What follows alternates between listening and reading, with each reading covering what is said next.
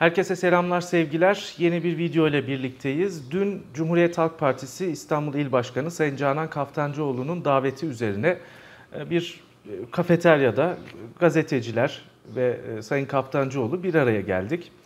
Seçimleri değerlendirdik. Yüksek Seçim Kurulu'nun iptal kararını, iptal etme gerekçelerini konuştuk ve Cumhuriyet Halk Partisi'nin kampanyasının nasıl olabileceğine dair işte 23 Haziran'a kadar CHP'nin neler yapabileceğine dair e, bizlerin, gazetecilerin görüşlerini aldı Sayın Kaftancıoğlu. Öncelikle teşekkür ederiz. CHP bu konuda çok titiz çalışıyor. Sayın Kaftancıoğlu'nun toplantının sonunda bize söylediği bir şey vardı. E, bir siyasetçi için çok önemli bir şey bence. E, biz dedi çok fazla hani CHP'lilerin dışına çıkamıyoruz. Çok fazla görüş alamıyoruz etrafımızda hep hani partililer var ve e, yoğun çalışıyoruz ancak siz toplumun e, farklı kesimleriyle temas kuran insanlarsınız. E, işte AK Partililerle de görüşüyorsunuz. Bize neler tavsiye edersiniz? Nasıl bir kampanya yürütelim dedi. Bu önemli bir yaklaşım. Cumhuriyet Halk Partisi toplumun farklı kesimlerinin ne düşündüğünü de açıkçası merak ediyor. E, yıllarca CHP eleştirildi ya kendi kabuğunu kıramıyor diye. Bu önemli bir e, adım bence CHP için. Zaten Sayın Ekrem İmamoğlu'nun e, kampanyası da sadece CHP'lilere yönelik değil, tüm İstanbullulara yönelik bir kampanyaydı. Hatta Sayın Kaftancıoğlu toplantının başında şöyle bir ifade kullandı. Ekrem İmamoğlu artık sadece CHP'nin adayı değil, tüm İstanbulluların adayı. Yani Millet İttifakı'nın adayı olmaktan çıktı mesele. Artık Sayın İmamoğlu tüm İstanbulluların adayı haline geldi dedi. Ee, Cumhuriyet Halk Partisi'nin toplumla toplum farklı kesimlerine açılma stratejisinin en başarılı olduğu dönemi e, yaşıyor diyebiliriz. Cumhuriyet Halk Partisi yıllarca denedi. Evet sağa açılmaya çalıştı. E, solun farklı kesimlerine e, açılmaya çalıştı. Ancak bugüne kadar başarılı olamamıştı. E, fakat bu seçimlerde özellikle Sayın İmamoğlu ile birlikte e, toplumun farklı kesimlerine de temas eden, dokunan stratejiler geliştirdiler, söylemler ortaya attılar. Hatta toplumun farklı kesimlerinin ihtiyaçlarını ortadan kaldıracak, sorunlarını çözecek bazı önerileri de ikna edici bir şekilde gündeme getirdiler. Bu açıdan baktığımızda CHP'nin 31 Mart e, stratejisi e, kendi kabuğunu kırması, kırması açısından önemliydi. Sayın Kaftancıoğlu'nun bir uyarısı da vardı. E, biz bu seçimlerde özellikle 23 Haziran'a giden yolda e, kesinlikle e, CHP e, adayı diye lanse etmeyeceğiz Sayın İmamoğlu'nu dedi. Zaten başlangıçta söyledi artık tüm İstanbulluların adayı e, olduğu e, şeklindeki e, değerlendirmesine atıfta bulundu. Yani bu işi bir AK Parti CHP meselesi olmaktan çıkarmak gerekiyor dedi. Bu bir demokrasi mücadelesi. Bu hani basit bir yerel seçim veya basit bir belediye başkanlığı seçimi de değil. Bu yaklaşımda Sayın Kaftancıoğlu. Ama AK Parti'nin de bütün stratejisi özellikle bu meseleyi İmamoğlu üzerinden değil de CHP üzerinden yürütmek. Sayın Cumhurbaşkanı'nın e, kendisine yakın medyaya e, verdiği talimat da bu yönde. E, Ekrem İmamoğlu ismini kullanmayın, CHP'yi öne çıkarın, CHP'ye vurgu yapın şeklinde. Çünkü AK Parti İmamoğlu ile değil CHP ile mücadele ediyor görüntüsü vermek istiyorlar. Çünkü tarihsel açıdan da baktığımızda CHP'nin karşısında kim varsa o kazanıyor. Ve bundan sonra da öyle olacak. Yani Türkiye'de bu e, değişmeyecek. Cumhuriyet Halk Partisi'nin karşısında kim varsa evet genel anlamda kazanan o olacak. E, fakat CHP işi buradan çıkarmak istiyor. Yani bu CHP'nin derdi, CHP'nin meselesi, CHP'nin mücadelesi değil.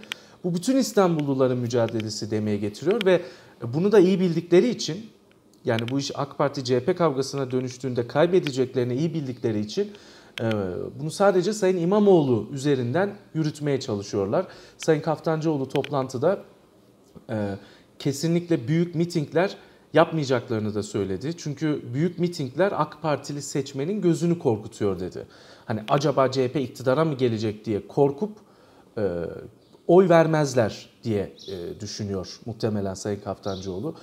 Ama burada parantez açayım bir hatası oldu. Geçtiğimiz günlerde bir e, röportajda işte e, İstanbul'u alırsak AK Parti e, işte dağılacak, e, AK Parti çözülecek şeklinde ifadeler kullandı. Bu AK Parti seçmenini orada tutmaya e, e, motive edecek bir e, söylem, bir yaklaşım.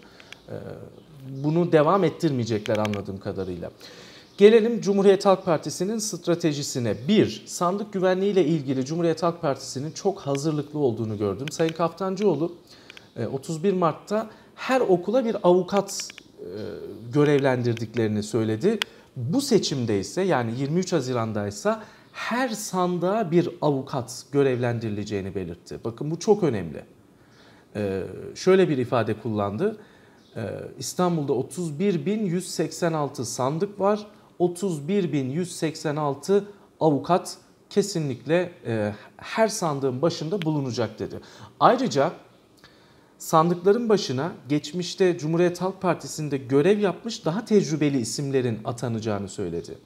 Yani ilçe başkanlığı yapmış, ilçe yönetim kurulu üyeliği yapmış, seçim işlerinde çalışmış tecrübeli Cumhuriyet Halk Partilileri e, bu seçimde görevlendireceklerini belirtti. Yani CHP'nin e, seçim gününe ilişkin hazırlıkları var. Fakat endişe ettikleri bir konu. Sayın Kaftancıoğlu bunu açıkça ifade etti.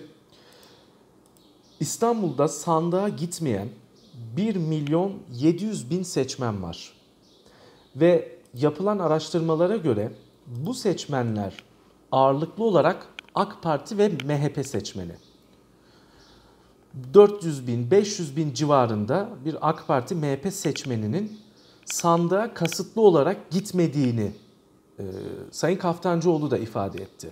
Bunların sandığa gitmeme sebebi neydi? AK Parti'ye bir ders vermek. Yani AK Parti kontrolden çıktı. İşte kibre kapıldı. E, çok fazla güç elde edince karşısındakileri ezmeye başladı diye düşünen, daha önce AK Parti'ye oy veren yarım milyon seçmen sadece İstanbul'da sandığa gitmedi. Mesela İstanbul'da sandığa gitmeyen seçmenlerin oranı en fazla Fatih ilçesinde, bir, birinci sırada. E, Fatih'te de ağırlıklı olarak AK Parti seçmeni e, yaşıyor. Yani ikinci sırada Beyoğlu var mesela. Beyoğlu'da da e, sandığa gitmeyen seçmen çok. E, gerçi CHP'liler de var. Yani Cihangir'de de sandığa gitmeyen e, seçmenler oldu ancak e, oy kullanmayan seçmenlerin büyük çoğunluğu AK Partili ve MHP'li. Sayın Kaftancıoğlu bu konuda çok endişeli. Ee, şöyle bir ifade kullandı bakın. Dedi ki ya bu seçmenler işte CHP'nin İstanbul'u aldığını görünce acaba biz sandığa gitmeyerek AK Parti'ye ders verelim diyerek şu kantarın topuzunu biraz kaçırdık mı diye düşünebilirler. Cumhuriyet Halk Partisi'nin bu konuda endişeli olduğunu görüyorum. Ee, bu arada AK Parti de bunun farkında. Çünkü Sayın Binali Yıldırım e, gittiği yerlerde özellikle sandığa gitmeyen AK Partililere yönelik bir çalışma yürüteceklerini ifade etti. Hatta AK Parti'nin stratejisi bu kişileri tespit edip tek tek onları ziyaret etmek şu kalan bir aylık sürede. Binali Yıldırım dünkü açıklamasında diyor ki daha çok çalışacağız, daha çok gönüllere gireceğiz. 31 Mart'ta sandığa gidemeyenleri bulacağız ve oy vermelerini sağlayacağız. Ee, mesela 100 bin seçmenin sandığa gitmediği Esenyurt'ta geçersiz oy kullan, kullan, kullanmada ilk sırada. Yani e, ağırlıklı olarak AK Parti seçmeni eğer sandığa gitseydi Sayın Binali Yıldırım çok rahat bu seçimi kazanabilecekti. Ancak e, daha önce AK Parti'ye oy vermiş ancak 31 Mart yerel seçimlerinde e, oy vermemiş olan seçmenler CHP'nin de gözünü korkutuyor. Ben bir değerlendirmede bulunmuştum. Ekrem İmamoğlu %99.9 kazanacak diye. Bu değerlendirmemde şöyle bir e, yorumda yorum yaptım. 31 Mart'ta Sayın İmamoğlu'na oy verip de 23 Haziran seçimlerinde oy vermeyecek olan var mıdır? Bir tane bile bulamayız. Ama 31 Mart'ta Sayın e, Binali Yıldırım'a oy verip 23 Haziran'da oy vermeyecek olan çok sayıda seçmen bulunabilir. Çünkü e, Yüksek Seçim Kurulu'nun İstanbul'la ilgili aldığı iptal kararının e, doğru olmadığını düşünen AK Partili seçmenler de var. Yani AK Parti'nin işi biraz zor gibi görünüyor. Ancak CHP için de bu seçimler 23 Haziran seçimleri çantada keklik değil.